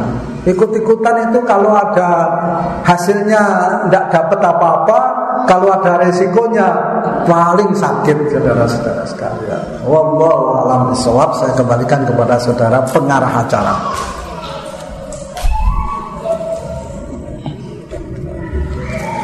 Apa kok banyak sekali pertanyaan? Laki-laki perempuan yang nulis. Kalau ini kayaknya apa tuh? Ada akhwat yang hadir. Jasa menurut kepada Abu Rusdan yang telah memaparkan penjelasan secara garis umum dari buku debat dasar dari Islam dan Pancasila. Kita bisa menyimpulkan dari apa yang beliau sampaikan bahwasannya perjuangan Islam itu melibatkan tiga unsur yang pertama yaitu ilmu dan fakta yang kedua emosi atau perasaan. Yang ketiga adalah wahyu di mana dari ketiga tersebut tidak dapat dipisahkan atau tidak dapat kita hilangkan salah satunya saja. Dan kemudian yang telah diperjuangkan oleh orang-orang yang mereka terlibat dalam debat tersebut ternyata pemikirannya masih sampai masih muncul sampai sekarang dan banyak orang yang masih mempertahankan apa yang mereka gagaskan tersebut. Dan kita juga telah mengetahui bahwa ternyata banyak sekali pemutaran fakta.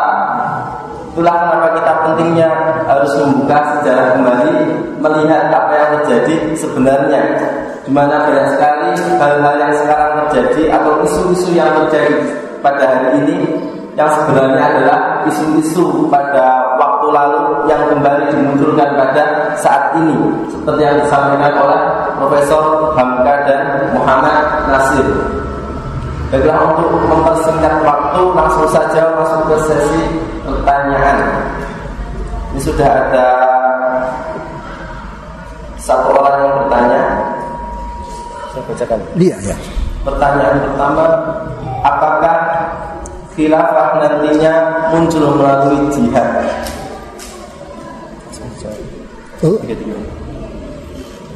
Bismillahirrahmanirrahim. Pertanyaannya singkat tapi sulit menjawabnya. Apakah khilafah nanti akan muncul melalui jihad? Ayo ikhwah. Khilafah akan muncul apabila di antara umat Muhammad sallallahu alaihi wasallam ini sudah menemukan kembali tuntunan nubuah secara benar. Dari situ mulai proses Apakah tuntunan nubuah itu jihad saja? Tidak. Jadi kalau pertanyaannya apakah khilafah akan muncul melalui jihad saja? Jawabannya pasti tidak. Tetapi apakah khilafah itu akan muncul melalui jihad dan yang lain-lain? Jawabannya iya. Yang lain-lainnya itu dilengkapi. Sebab apa Nabi Muhammad SAW ketika iqamatuddin menegakkan din tidak melalui jihad saja. Ya. Itu kita temukan dulu. Tetapi persoalannya kita tidak berangkat dari nol sebagaimana Nabi Muhammad SAW berangkat dari nol. Ya bahwa umat Islam yang bersungguh-sungguh ingin menegakkan khilafah melalui jalur politik parlementer maupun non parlementer secara global itu ada. Allah yarham Mursi ya mantan presiden Mesir beberapa saat itu mencita-citakan wujudnya khilafah ala minhajin nubuwah melalui jalur politik parlementer. Itu fakta. Kita tidak boleh mengabaikan potensi, fakta potensi kaum muslimin, fakta. Untuk tahap tertentu sukses, sesuatu sukses yang tidak pernah diraih oleh yang lain, ya.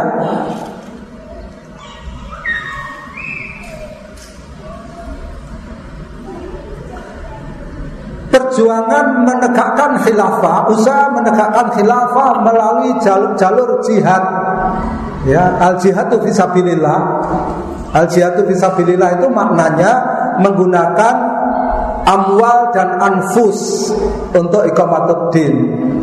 Ya, harta jiwa dan lain-lain totalitas semuanya.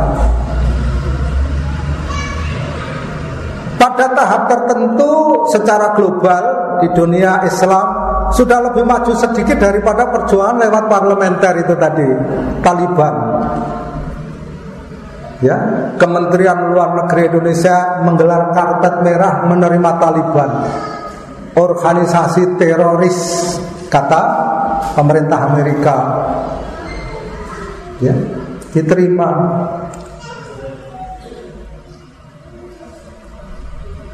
Belum secara sosial, Asyabab bisa mengumpulkan Asyabab organisasi jihad yang ada di Somal bisa mengumpulkan zakat baik zakat itu berupa ternak maupun hasil bumi sekian banyak dan dibagikan langsung bisa.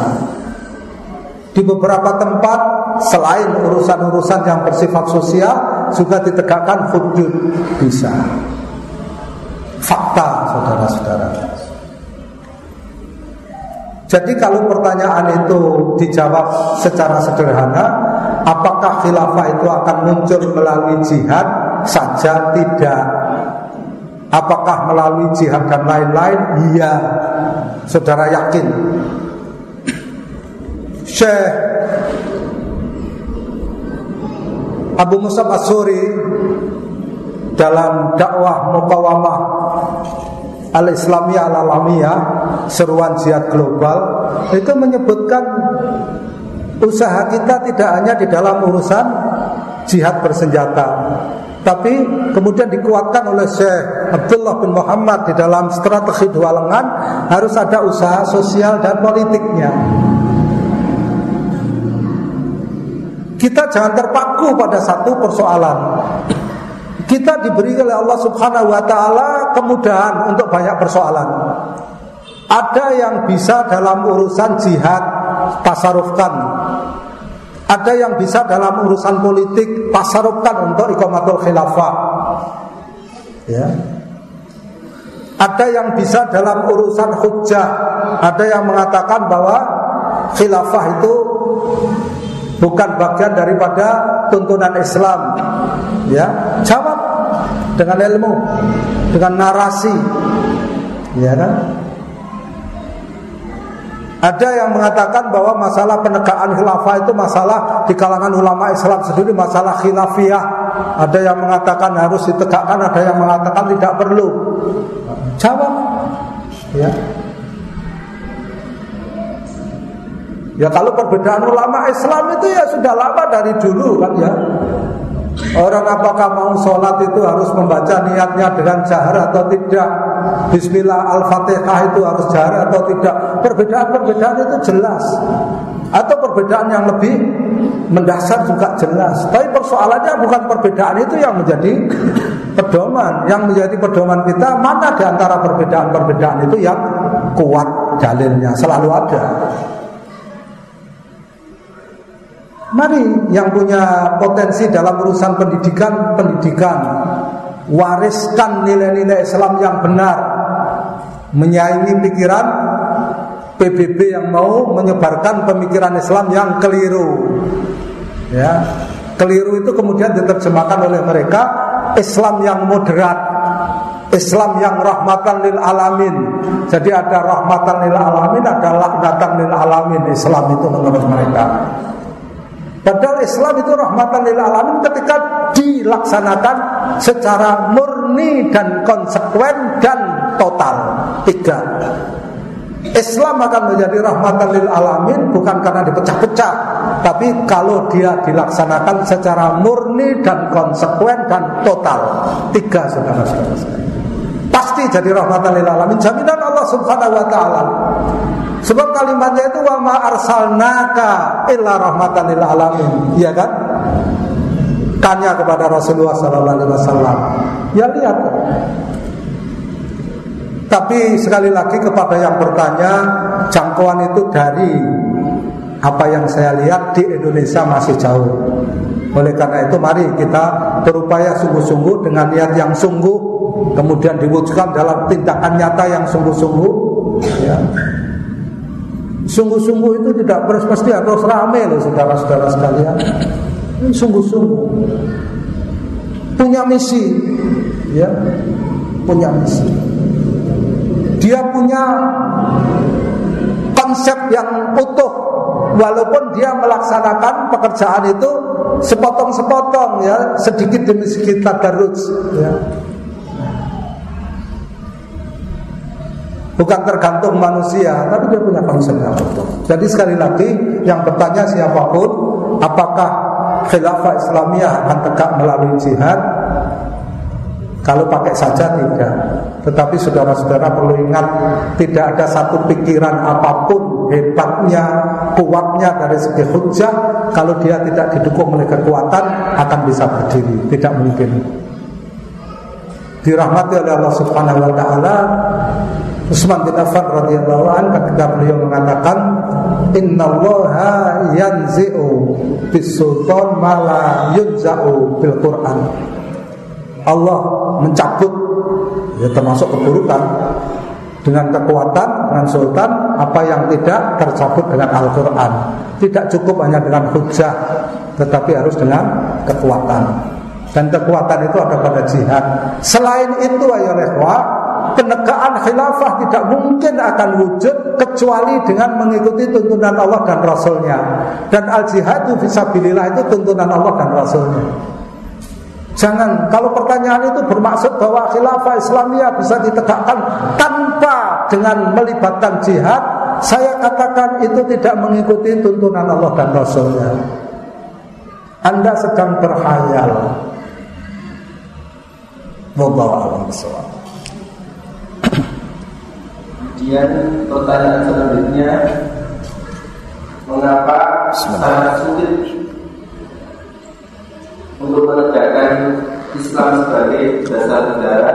Dan apakah hikmah yang bisa dipetik untuk kita para umat hari ini?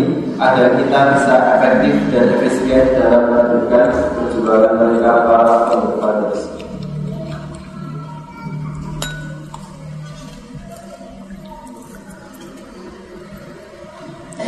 Saya mungkin agak berbeda latar belakang pertanyaan itu dengan latar belakang jawaban saya. Saya tidak melihat ada kesulitan. Persoalannya memang ini ujian Allah Subhanahu wa taala. Jadi kalau ada yang bertanya kenapa usaha kita belum berhasil, saya selalu berpikir berdasarkan pengalaman saya, ya, pengalaman saya. Wallahu a'lam. Ya. Itu adalah kembali kepada evaluasi kepada diri kita sendiri, introspeksi. Apakah kita sudah betul-betul membekali diri kita dengan persyaratan-persyaratan yang dituntutkan oleh Allah dan Rasulnya untuk menjadi penegak Islam. Itu persoalannya. Saya melihat di situ.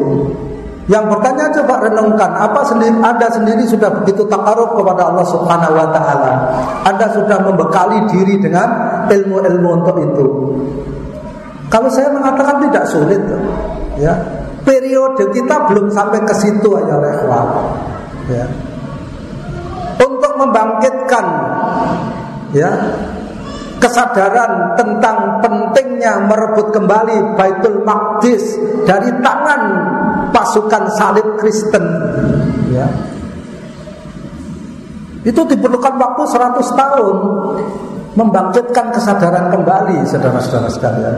100 tahun dan kemudian ditata baru setelah itu. Diadakan madrasah-madrasah lebih dahulu ya. Lahir Imam Juweni, lahir Imam Ghazali.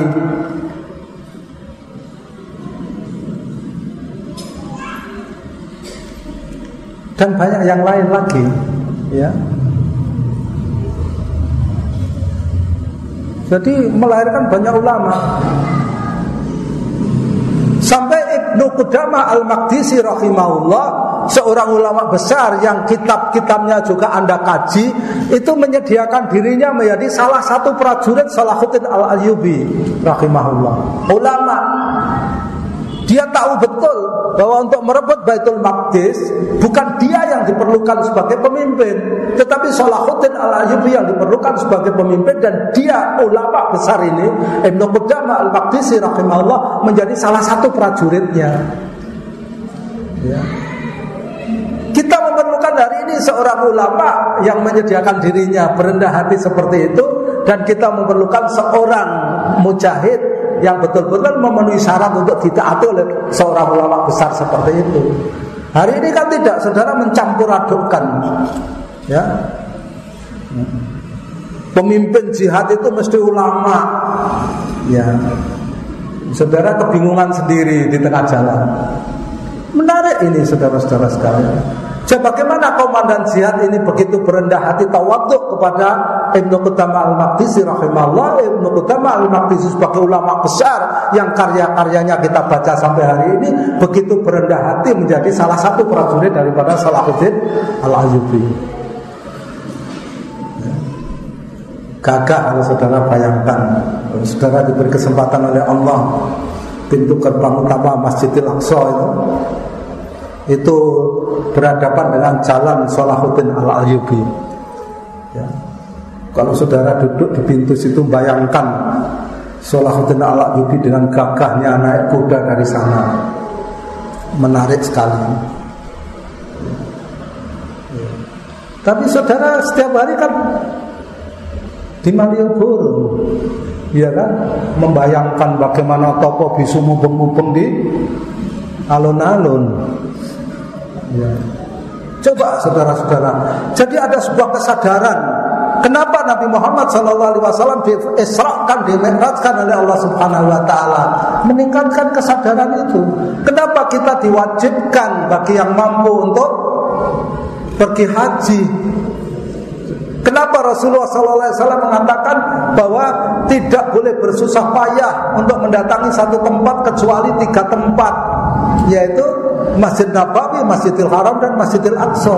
Karena ada satu ruhiyah yang mengangkat pikiran kita. Ya. Tapi kan cita-cita anak-anak sekarang tidak begitu. Pikirannya kalau punya duit banyak setelah haji dan umroh ya mau lihat menara kembar, mau lihat apa? Ada yang punya cita-cita mau lihat F1 di Silverstone enggak?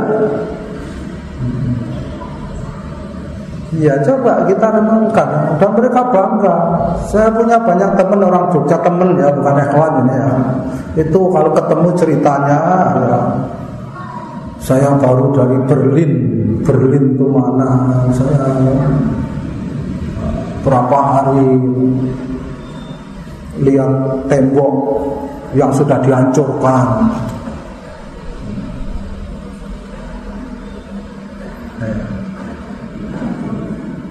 Baru dari Sisilia. Sisilia itu mana? Hah? Oh, sudah tahu Itali pernah. Ada yang agak sedikit-sedikit bangga lihat Blue Moss apa? Enggak kita tidak di, tidak dituntunkan oleh oleh Rasulullah untuk situ. Coba saudara renungkan. Ada yang senang ke Maroko, ke Fes. Nanti dulu nanti saudara. Jadi pertanyaannya apa pertanyaannya? Apa hikmah yang bisa dipetik untuk kita umat hari ini agar kita bisa efektif dan efisien dalam melanjutkan perjuangan mereka? Kita ketahui lebih dahulu perjuangan mereka dan itu tahap itu belum. Ayo ikhwah, saya punya seorang guru di madrasah ibtidaiyah. Guru betul menurut saya. Selalu ya murid-muridnya yi yi gitu ya yi. Gimana ya kita ini mau sholat malam kok berat sekali. Jadi kalau kamu sholat malam gimana? Ya habis sholat isya saya sholat witir satu rakaat. Ya sudah itu kamu jalani sungguh-sungguh. Jangan kamu tambah, jangan kamu kurangi. Kalimat yang kedua ini penting, jangan kamu kurangi. Ke setiap habis sholat isya, sholat sunat dua rakaat, dia, kemudian kamu witir satu rakaat terus saja, terus saja. Nanti setahun lagi kalau masih begitu kamu datang. Betul dipraktekkan. Bertahan cuma tiga bulan. Ditambah witirnya tiga rakaat. Bertambah, bertahan tiga bulan cok. Witirnya tidak habis Ba'diyah Isya Sudah bisa bangun jam tiga Witir cok tapi tiga rakaat. Terus kamu jalankan terus. Tahun berikutnya ya lehwa Sudah delapan rakaat Plus satu witir. Terus Bangun dia mulai agak Ya agak lebih ke arah jam 12 Bukan ke arah jam 6 Saya pikir ini pendidik yang brilian ini. Dia bukan master pendidikan. Tidak bekerja di Kementerian Pendidikan. Guru madrasah ibtidaiyah di kampung. Ya pecinya ini sampai merah lincip saudara-saudara sekalian. Ya, entah berapa puluh tahun tidak ganti. Katanya kalau ganti tidak laku hajatan. Iya menarik. Jadi saudara-saudara yang bertanya ini Antum punya keahlian apa dalam urusan Islam? Antum tekuni dengan sungguh-sungguh Dengan niat untuk ikut andil Komatul Khilafah. Cukup jadi hikmah apa yang kita mau dapatkan dari pendahulu kita? Pelajari cara berpikirnya sampai Anda menemukan cara berperasaannya. Kalimat ini bukan kalimat kosong, saudara-saudara sekalian. Kalimat ini merupakan apa yang disebut dengan intertext, kesimpulan dari sebuah pemikiran panjang yang luar biasa. Begitu juga yang saya sampaikan kepada antum sekalian pagi hari ini bukan kalimat kosong. Ya. Ini sudah saya pikirkan sekian lama. Ya. Ketika panitia memberitahu kita akan membahas ini, oh, Hebat sekali panitia berani. Terus aku, aku mau bicara apa tentang Islam dan Pancasila ini coba. Pancasila itu harga mati. Tapi itu kata orang, bukan kata bangsa Indonesia. Iya, wacana itu ada masih. Saya diskusi sama Pak Sarlito Wirawan mendiam Pak Sarlito Wirawan saya katakan iya itu kalimat itu membunuh sekali makhluk yang masih hidup membunuh banyak sekali makhluk yang masih. Tidak, jangan ada kalimat itu diskusi, diskusi, diskusi. Ya. Kekuasaan yang membunuh pemikiran itu kekuasaan yang tidak kokoh.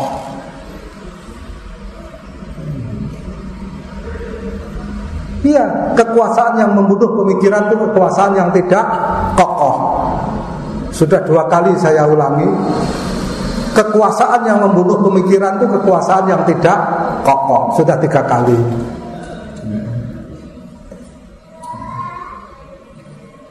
Saudara, tapi sekali lagi saudara-saudara sekalian di Jogja ini kubangan ilmu saudara. Sayang kalau saudara kemudian ada jualan snack di tengah jalan atau di tepi jalan. Di tengah jalan tidak boleh ya, tepi jalan. Satu-satunya yang boleh di tengah jalan itu cuma sopir bis, saudara-saudara. Lainnya harus di tepi jalan. Iya kan? Coba saudara jangan sampai berhenti. Di sini sayang sekali. Sekolah terus, sekolah terus, sekolah terus. Bukan untuk apa-apa. Kita tidak mau cari titel. Ya. Sebab setelah kita profesor, doktor itu kalimat selanjutnya adalah what next. Setelah itu apa? Mati. Tapi kita kewajiban kita sebagai seorang yang berkeyakinan tentang satu keyakinan itu menyebarkan pemikiran yang kita yakini.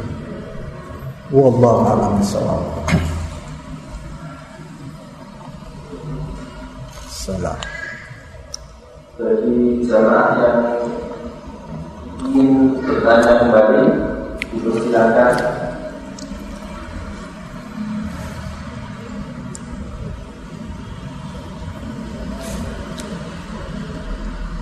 Oh, beri Pak Pak siapa namanya Pak? Pak Samsul Hadi.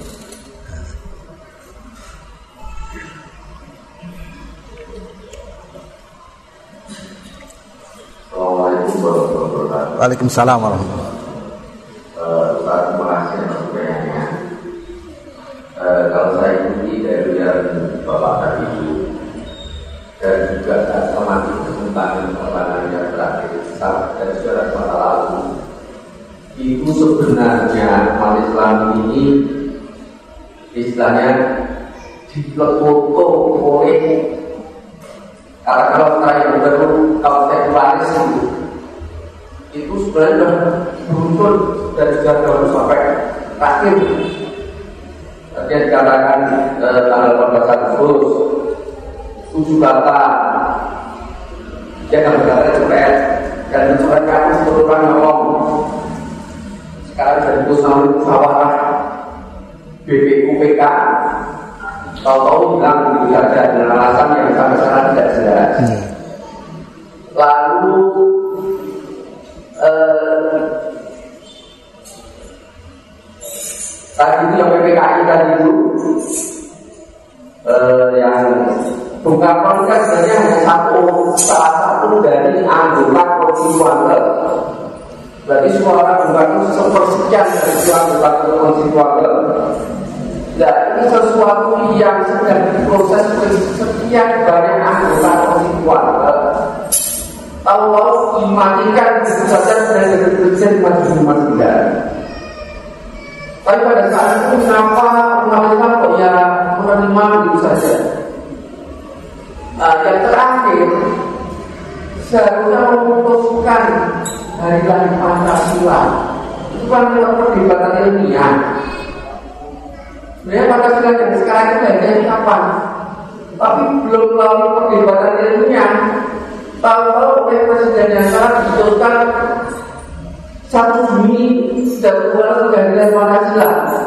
Pada satu Juni itu Pancasila Bung Karno, di mana ketuhanan yang Maha Esa itu oleh Bung Karno yang paling akhir. Dengan Pancasila yang sekarang itu bukan Pancasila yang Bung Karno. Tapi yang lagi yang tadi itu katakan eh, pemikiran dibunuh dengan kekuasaan dan itu terjadi berkali-kali. Nah, menghadapi yang yang seperti itu yang dikeluh berkali-kali itu ke depan kita itu bagaimana apa mau dikeluh-keluh itu terima kasih Assalamualaikum Waalaikumsalam. Bismillahirrahmanirrahim. Pak Samsul Hadi sedang memprovokasi saya Tapi sekali lagi ya Lekwa Kita harus tetap menggunakan ilmu, perasaan dan dalil. Ya. Sekali lagi ya ya Rekwa, mengungkap persoalan-persoalan yang berkembang di masa lalu kemudian menarik hubungan dengan keadaan hari ini itu harus selalu kita lakukan. Kalau saya sendiri membaca, saya sendiri membaca hanya saya mencoba untuk mencari referensinya belum ketemu-ketemu, tidak ada yang nulis seperti itu. Bahwa peristiwa yang terjadi di konstituante, di sidang-sidang konstituante dari setelah pemilu 55 sampai menjelang 59 ya, itu juga tidak peristiwa yang berdiri sendiri.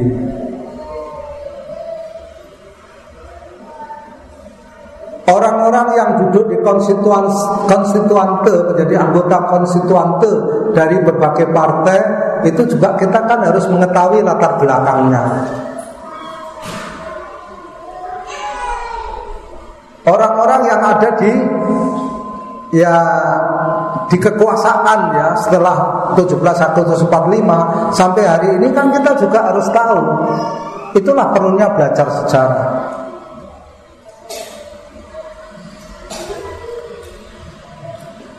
Satu pertanyaan yang sulit yang kita harus segera menemukan jawabannya melalui anak-anak muda ini yang kemudian sekolah betul. Ya. Kenapa begitu sulit membuat semacam peraturan hukum di Indonesia bernama KUHP dan KUHAP? Mengapa begitu sulit membuat KUHAP yang mendarat membumi di Indonesia berangkat dari warisan Indonesia. Sebab kita tahu sendiri bahwa itu warisan Belanda. Ya kan? Kenapa kok begitu sulit? Kita harus juga tahu. Kita harus pelajari. Kenapa? Oleh karena itu itu tadi. Sebab apa? Belanda Jepang, Inggris maupun siapa pun yang pernah menjajah Indonesia itu kan sangat tidak suka terhadap Islam. Mesti kan? Kenapa kok itu diwarisi oleh setelah merdeka oleh siapa pun juga tidak suka terhadap Islam? Itu yang harus kita temukan. Kalau itu sudah ketemu, nah mari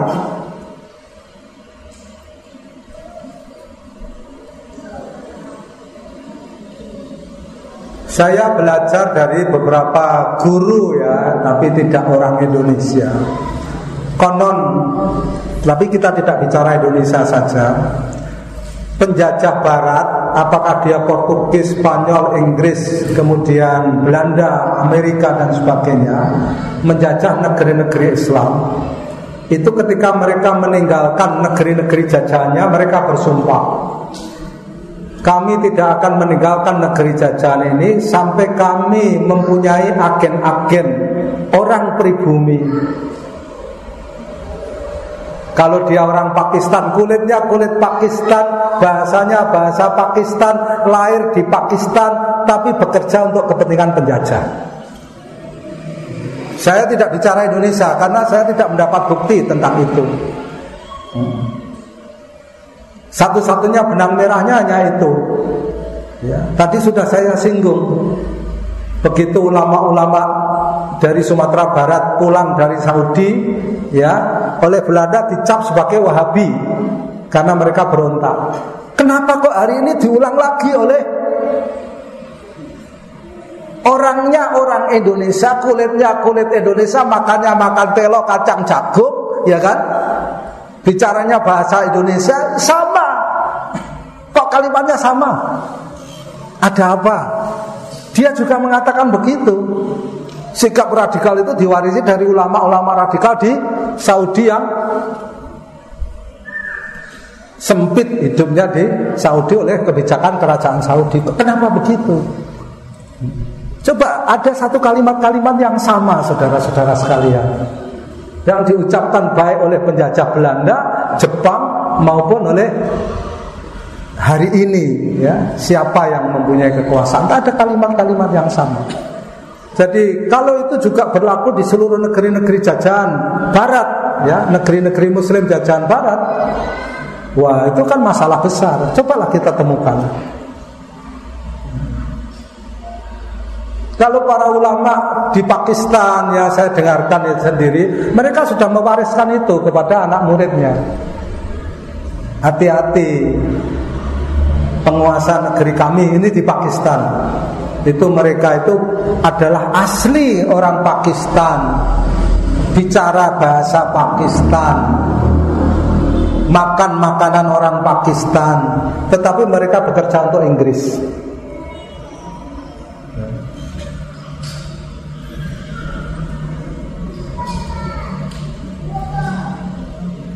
Tetapi orang Islam tidak boleh seudon loh saudara. Harus pakai data loh ya. Nah ini kalau Indonesia bagaimana? Saya juga tidak tahu. Ya. Kalimat bahwa orang-orang Islam yang baik Yang belajar di Timur Tengah kembali ke Indonesia Dikatakan Wahabi Itu bukan kalimat yang baru ditemukan setelah reformasi. Ya, itu tahun 1821 sudah diucapkan oleh Belanda kepada Imam Bonjol. Diulang lagi? Di sini ada sebenarnya, cuman saya tidak mau bacakan tajam.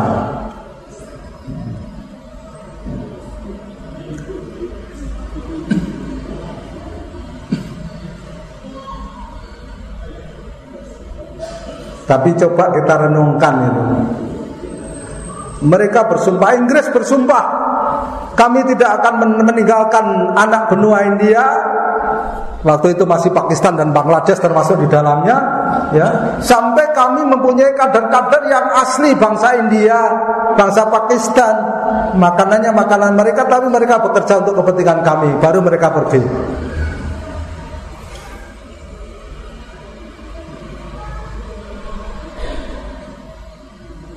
Itu temukan saudara-saudara sekalian. Kalau saudara-saudara ada yang menemukan kita diskusi lagi. Sebelum itu saya, saya hanya bisa menceritakan itu saja. Kan mengherankan Pak Samsul. Ye. Orang Islam kok tidak mau terima dasar Islam itu kan mengherankan. Moh Islam. Itu kan mengherankan. Bagaimana itu?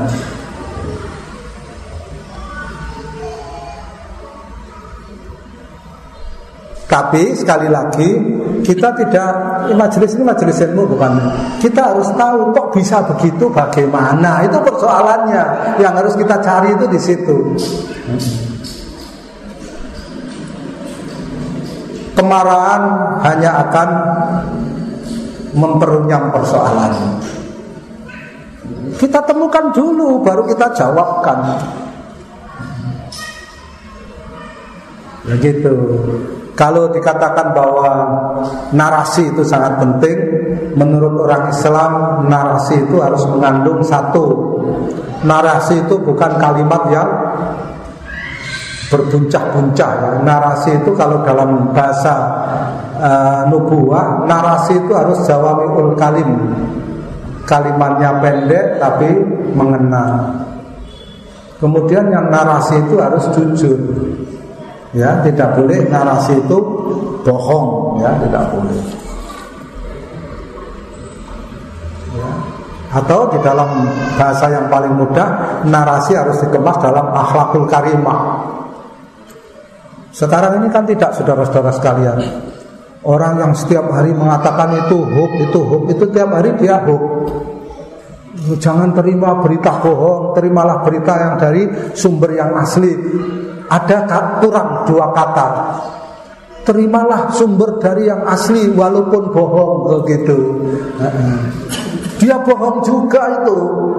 Raja bohong. Wong dia tidak takut hukum yang dia buat sendiri Dia tidak takut. Apalagi hukum Allah. Jadi orang yang selalu mengatakan Jangan terima informasi bohong Dari mana yang tidak jelas sumbernya. Terimalah, terimalah informasi yang jelas sumbernya Dari kami. Walaupun bohong Begitu. Itu tidak diucapkan bohong juga itu ya bohong kalau saudara tahu di lapangan itu mereka bohong terus tiap hari ya kan kalau saudara tahu lapangan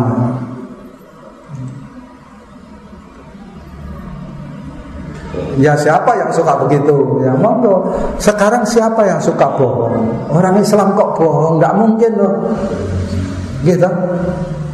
Berprasangka buruk saja tidak boleh kok berbohong